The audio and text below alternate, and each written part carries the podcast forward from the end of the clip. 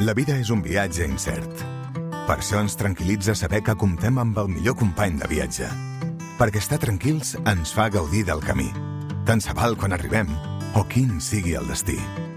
Toyota Relax. Fins a 10 anys de garantia. Toyota. El teu company de viatge. T'esperem al nostre centre oficial Toyota Teams Motor al carrer París 70 de Barcelona. Sense contradicció no hi ha evolució. Si no hi ha contradicció, no hi ha demà. Hegel. Revolució 4.0 a Catalunya Ràdio amb Xantal Llavina.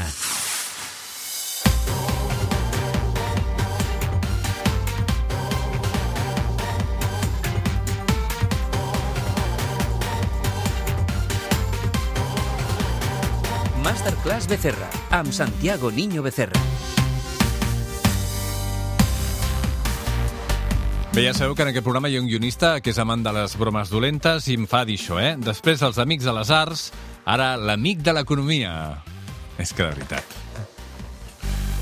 Posa música, vinga. Santiago Niño Becerra, benvingut una setmana més al Revolució, com estàs? Què tal? Bona nit, molt bé, molt bé. Molt bé, com sempre, eh, encantats de- d'escoltar-te. Comencem amb un titular que ens ha impactat molt relacionat amb el món de l'economia. British Telecom eh, farà fora 55.000 persones, que és el 42% de la plantilla. Hem parat bastant de comiats en moltes empreses tecnològiques, però mai crec que havíem parat d'una empresa que feia fora el 42% de la seva, de la seva força treballadora. És una barbaritat, no?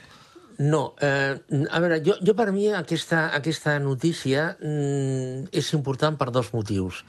Eh, bueno, per, tres, primer, perquè eh, el primer de tots és perquè és una reducció, evidentment, espectacular. Però mm. deixant de banda aquest motiu, hi ha dos motius de, amb molt de pes. P primer, eh, BT mm, mm, redueix la seva plantilla, bueno, és d'aquí fins al 2030, mm. perquè la substituirà per intel·ligència artificial. Mm -hmm. És a dir, això, això que ens està dient, això ens està dient bueno, de, que, de que ara ja eh, es comencen a posar eh, números a les, a, a les, a, bueno, als dibuixos i tot allò que era teòric i que podia ser, etc etc, doncs, bueno, aquí ja s'estan posant números. No? És a dir, aquesta empresa BT ha arribat a la conclusió que d'aquí fins al 2030, la notícia és aquesta, podrà substituir a 42.000 persones eh, per eh, a 55.000, perdona, a 55.000 persones per intel·ligència artificial i per eines eh, basades en la intel·ligència artificial. Mm, per mi, mm. aquesta és la notícia. Clar, perquè eh, eh, hem estat parlant molt dels perills i tothom ens deia, bueno, no, que no, que no és tan perillós això, però escolta, explica-li aquestes 55.000 persones que entre ara i 2030 es queden sense feina, no?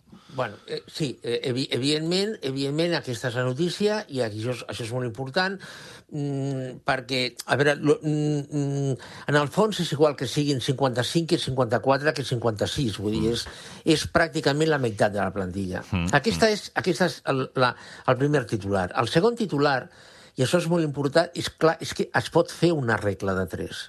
És a dir, això ho farà una empresa de telecomunicacions i tecnologia. Mm. Fent una regla de tres, això ho pot fer, o podria fer, semblant, algú semblant, telefònica. Mm -hmm. O Deutsche Telekom. Mm -hmm. O Verizon als Estats Units. Mm -hmm.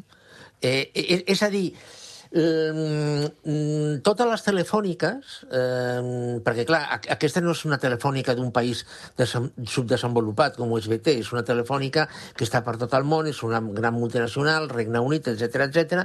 És a dir, que totes les grans telefòniques, empreses de telecomunicacions d'aquesta mira i, i de països, evidentment, desenvolupats, podran, podrien fer el mateix.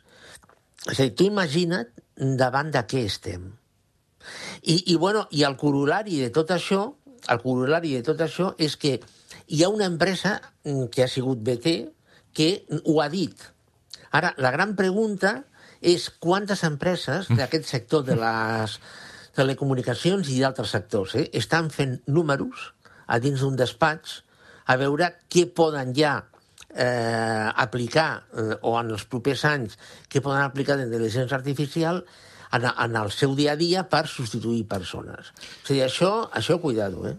A banda que, i amb això acabem, eh, però normalment quan sempre que llegim que hi ha una empresa que fa reducció de, doncs, de plantilla d'aquesta magnitud, sempre és perquè tenen problemes econòmics o per alguna raó. Aquest no és el cas perquè aquí mm, British, uh, British Telecom va guanyar 2.000 milions d'euros l'any passat, no?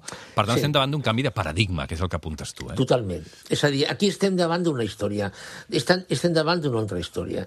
És a dir, aquí, aquí mm, estem davant... mm, Eh, és a dir, és el mateix que va passar amb, a finals del segle XIX, quan es va substituir el carbó amb la, per l'electricitat.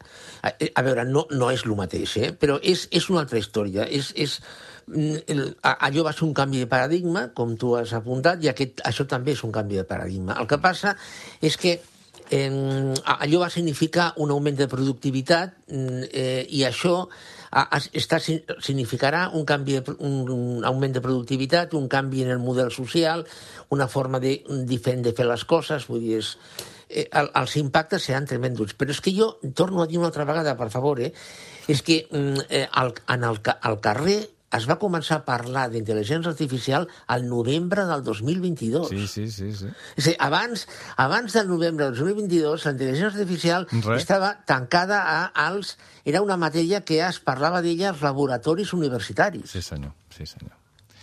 Sí, sí, vull dir que la cosa va molt, molt ràpid un cop, un cop en parlem, no? Um, re, una xifra, una xifra només perquè ens baixis a, a terra, allò que t'agrada tant fer i que fas molt bé, no? Uh, a l'estat espanyol hem arribat a 20 milions de treballadors en actiu, uh, que dius, oh, que bé, baixa'ns a terra aquesta dada, sisplau, Santiago.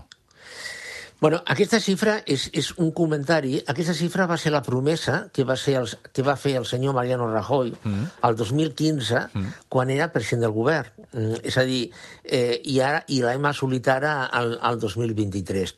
A, això és una, una mera anècdota perquè mm, ja sabem que a Espanya hi ha, un, hi ha hagut sempre una, una ocupació submergida molt important i arrel del, com a conseqüència del virus, eh, una sèrie d'ocupació submergida va sortir a la llum per eh, poder optar als CERTES. No? Llavors això ha, ha, bueno, ha, fa- ha favorit que es, eh, s'assoleixi aquesta xifra. Bé, la, la xifra està assolida, el que passa és que jo torno a repetir, i jo he repetit 50 vegades, parlar del mercat de treball es, espanyol o parlar de la seguretat social mmm, amb aquesta figura dels contractes fixos discontinus, mm -hmm. que són persones que poden estar inactives però no aturades, malgrat que mm, mm, cobrin atur, mentre aquesta xifra no s'aclareixi, que segons la, mm, una, una estimació que va fer el Servei d'Estudis del BBVA, en un moment donat pot oscil·lar entre els eh, 250 i les 500.000 persones,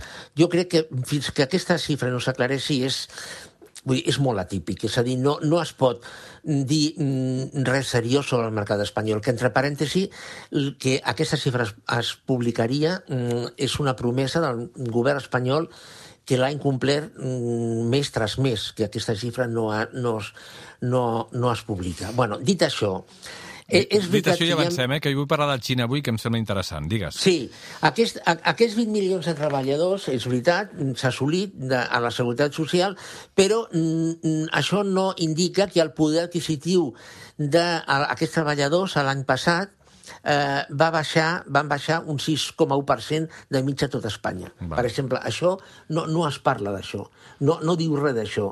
O, o bé mm, eh, que mm, eh, la, les, l'ocupació està, molt, està molt sesgada mm, per sectors eh, i per edats. Eh, te, continuem amb un 12% d'atur, més dos- 12,3%, i un atur juvenil que s'apropa al 20%, al 20%. És a dir, passa el mateix que el turisme.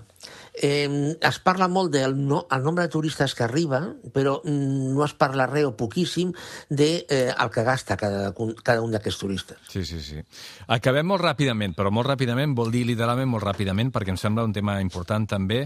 Fa uns dies es va reunir el G7 i van dir, escolta, vigilem encara més del que hauríem de vigilar a la Xina perquè és el nostre rival estratègic. Um, de, clar, és que la dependència de la Xina de pràcticament tot el món és, és absoluta, no?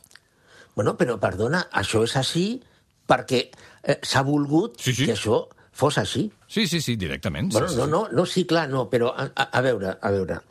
Eh, ara, ara començar, per exemple, això va començar per el tema de les mascaretes, no? Les famoses mascaretes durant la pandèmia.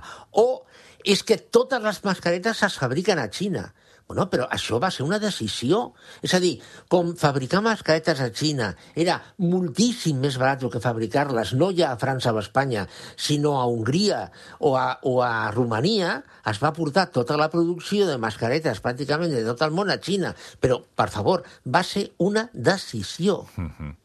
I, I qui diu mascaretes, diu xips, diu mòbils, diu etc etc. És a dir, això és una decisió. Bé, segona cosa, hi ha una sèrie d'elements, com les famoses tierres rares, eh, i mm, eh, minerals estratègics com el cobalto, el liti, etc etc, que, bueno, que Xina, per una qüestió purament geogràfica, és un dels principals productors mundials mm, o el principal productor mundial en, en moltes d'aquestes matèries. Clar, això és així. E, és a dir, a Espanya no hi ha una mina de cobalto, bueno, doncs perquè no hi ha. Sí, sí, sí. Eh, eh, llavors, jo, des del meu punt de vista, Eh, és una opinió molt personal meva, eh, per favor. Eh? Sí. Mm, és a dir, enfrontar-nos a Xina per aquesta... Mm, de, tenint en compte les característiques del món occidental que té mancança de molts materials, és molt perillós. Perquè si aquesta gent eh, mm, tanquen la xeta, o la redu... ja no la tanquen, la derrueixen, la redueixen, perdó, aquí hi haurà problemes.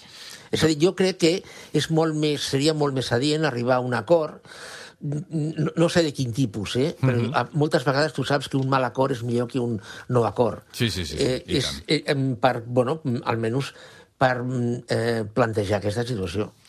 Doncs acabem amb, aquesta, amb aquest toc d'atenció que posa el Santiago Niño Becerra sobre la relació de, de la majoria del món amb, amb la Xina. Santiago, moltes gràcies. Molt bé, d'acord. Gràcies a tu. Bona nit. Adéu, bona nit.